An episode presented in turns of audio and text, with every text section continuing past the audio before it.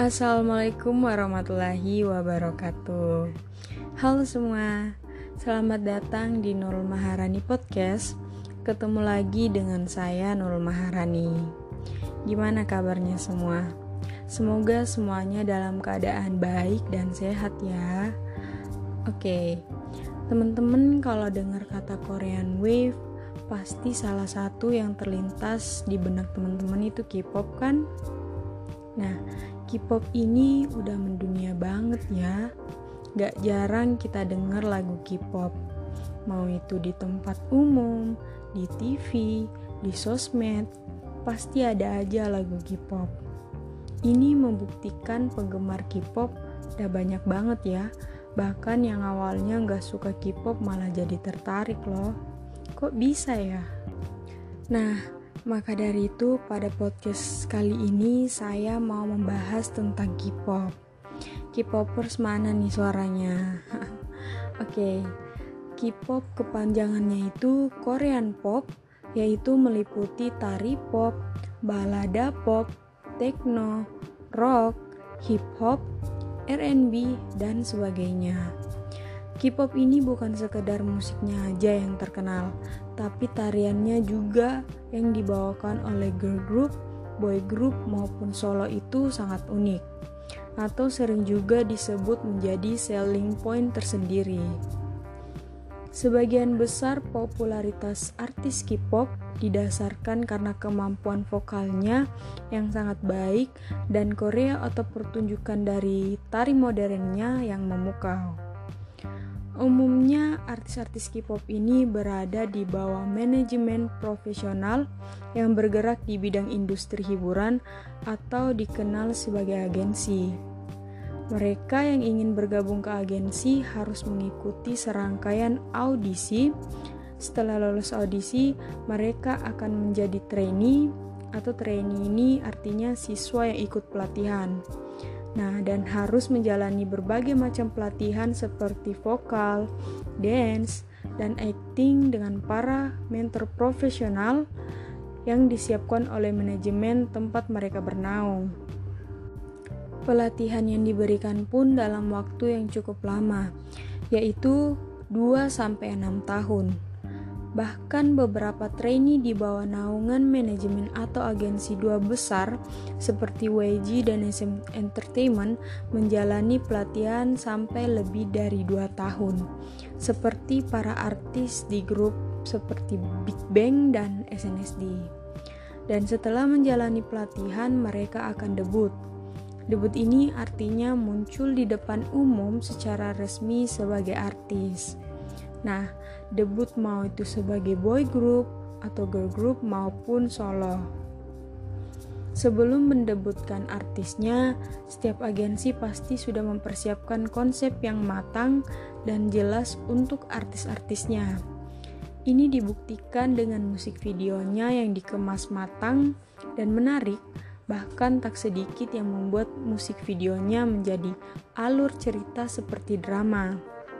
Selain itu, kostum panggungnya yang unik yang benar-benar cocok dengan lagu yang dibawakannya.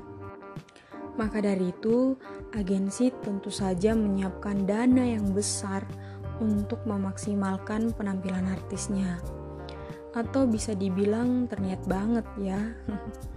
nah, sebagian besar artis K-pop debut sebagai grup karena katanya penyanyi solo terlihat lemah dan kesepian saat tampil di atas panggung daripada boy band dan girl band yang memiliki jumlah anggota lebih banyak.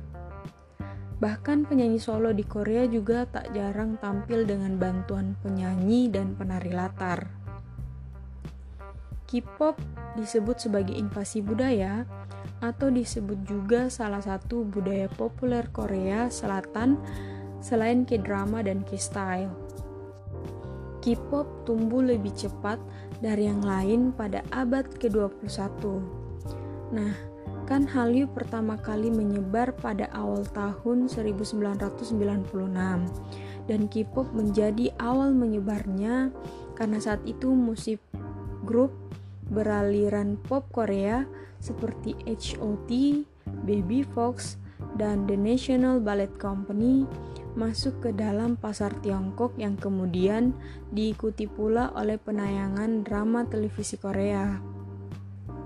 Setelah itu, K-pop makin berkembang di panggung global yang dikatakan diwakili oleh PSY yang yang membawakan lagu Gangnam Style. Pasti pada pada pernah dengar lagunya kan ya? Nah, Gangnam Style melanda dunia segera setelah dirilis pada akhir 2012. Di Indonesia juga dulu sempat viral banget lagu dan tariannya. Lagu ini adalah lagu pertama K-pop yang berhasil menjangkau nomor satu di official Inggris single chart dan bertahan selama dua pekan di Billboard Hot 100 di Amerika Serikat Selain itu juga menduduki puncak tangga lagu di lebih dari 30 negara, termasuk Prancis, Jerman, Italia, Spanyol, Rusia, Kanada, dan Australia. Videonya juga diunggah di YouTube dan telah ditonton lebih dari 4 miliar sejauh ini. Yang tentu saja masuk dalam kategori video musik dari Korea yang paling banyak ditonton. Eits, sebelum kesuksesan Gangnam Style di seluruh dunia, K-pop didahului oleh kelompok idola seperti TVXQ dan juga Super Junior. Nah, Super Junior juga punya lagu yang mendunia banget yaitu Sorry Sorry yang dirilis tahun 2009 dan juga sempat viral di Indonesia. Selain itu ada Big Bang, Twenty One, Girls' Generation, 2PM, dan Wonder Girls yang mendominasi pasar musik pop di seluruh Asia. Nah, TVXQ sendiri memiliki total 65 konser tour di Jepang dari tahun 2006 hingga 2012, menyatukan sekitar 700.000 penggemar dan menjual lebih dari 6,3 juta album, sedangkan pada akhir 2009 Wonder Girls menjadi grup Korea pertama yang memasuki US Billboard Hot 100 chart dengan judul lagu Nobody. Nah, dengan menyebarnya Hallyu ke berbagai kalangan di seluruh dunia ini memunculkan banyak komunitas penggemar atau sering juga disebut fans. Kumpulan para fans yang mengidolakan artis yang sama disebut fandom dan terkenal dengan tingkat kefanatikannya yang tinggi. Nah, beberapa contohnya seperti EXO-L untuk penggemar EXO, ARMY untuk penggemar BTS, Blink untuk penggemar Blackpink, NCTzen untuk penggemar NCT, ELF untuk penggemar Super Junior, dan banyak lagi. Lucu dan unik ya nama fandomnya. Nah, teman-teman siapa aja nih idolanya? Pasti ada yang punya lebih dari satu fandom nih kan? Oke, okay, sekian podcast kali ini. Semoga informasinya bermanfaat dan menambah wawasan teman-teman semua. Sekian dari saya dan jangan lupa mendengarkan podcast saya selanjutnya.